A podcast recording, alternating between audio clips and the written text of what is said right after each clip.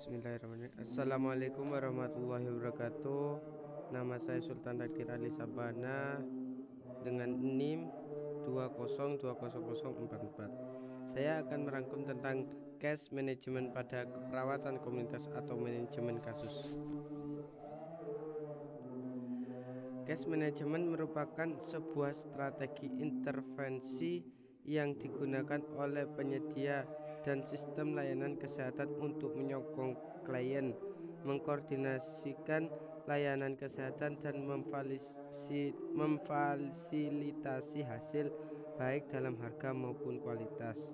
Menurut Huber 2010. Case management mempunyai ruang lingkup. Adapun ruang adapun lingkup dari case management berdasarkan KARS 2012 yaitu yang pertama pelayanan fokus pada pasien atau pasien centered care. Dua tujuan MPP yang ketiga hubungan profesional. Yang keempat hubungan dengan pasien. Yang kelima kelompok pasien. Yang keenam fungsi manajer pelayanan pasien atau MPP tujuh tanggung jawab.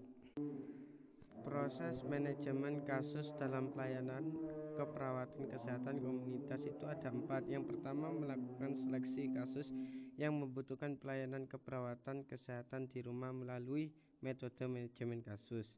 Yang kedua membuat perencanaan penyediaan pelayanan.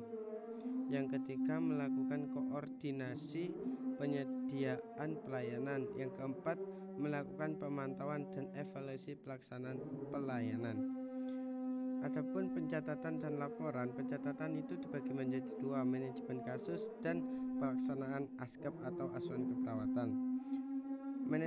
manajemen kasus itu sendiri manajer kasus bertanggung jawab untuk membuat dokumentasi tentang pelayanan yang diberikan pada pasien dan keluarga dengan meminta masukan dari tenaga kesehatan yang merawat pasien dan pelaksanaan askep perawat dalam melaksanakan askep bertanggung jawab membuat dokumentasi askep setiap kali melakukan kunjungan sesuai dengan prinsip pendokumentasian yang terakhir adalah pelaporan manajer kasus secara rutin dalam artian bulanan, triwulan, tahunan memberikan laporan kepada pengelola pelayanan keperawatan kesehatan di rumah.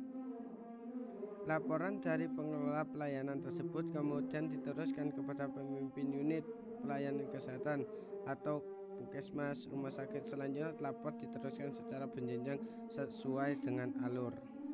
Sekian, terima kasih. Wassalamualaikum warahmatullahi wabarakatuh.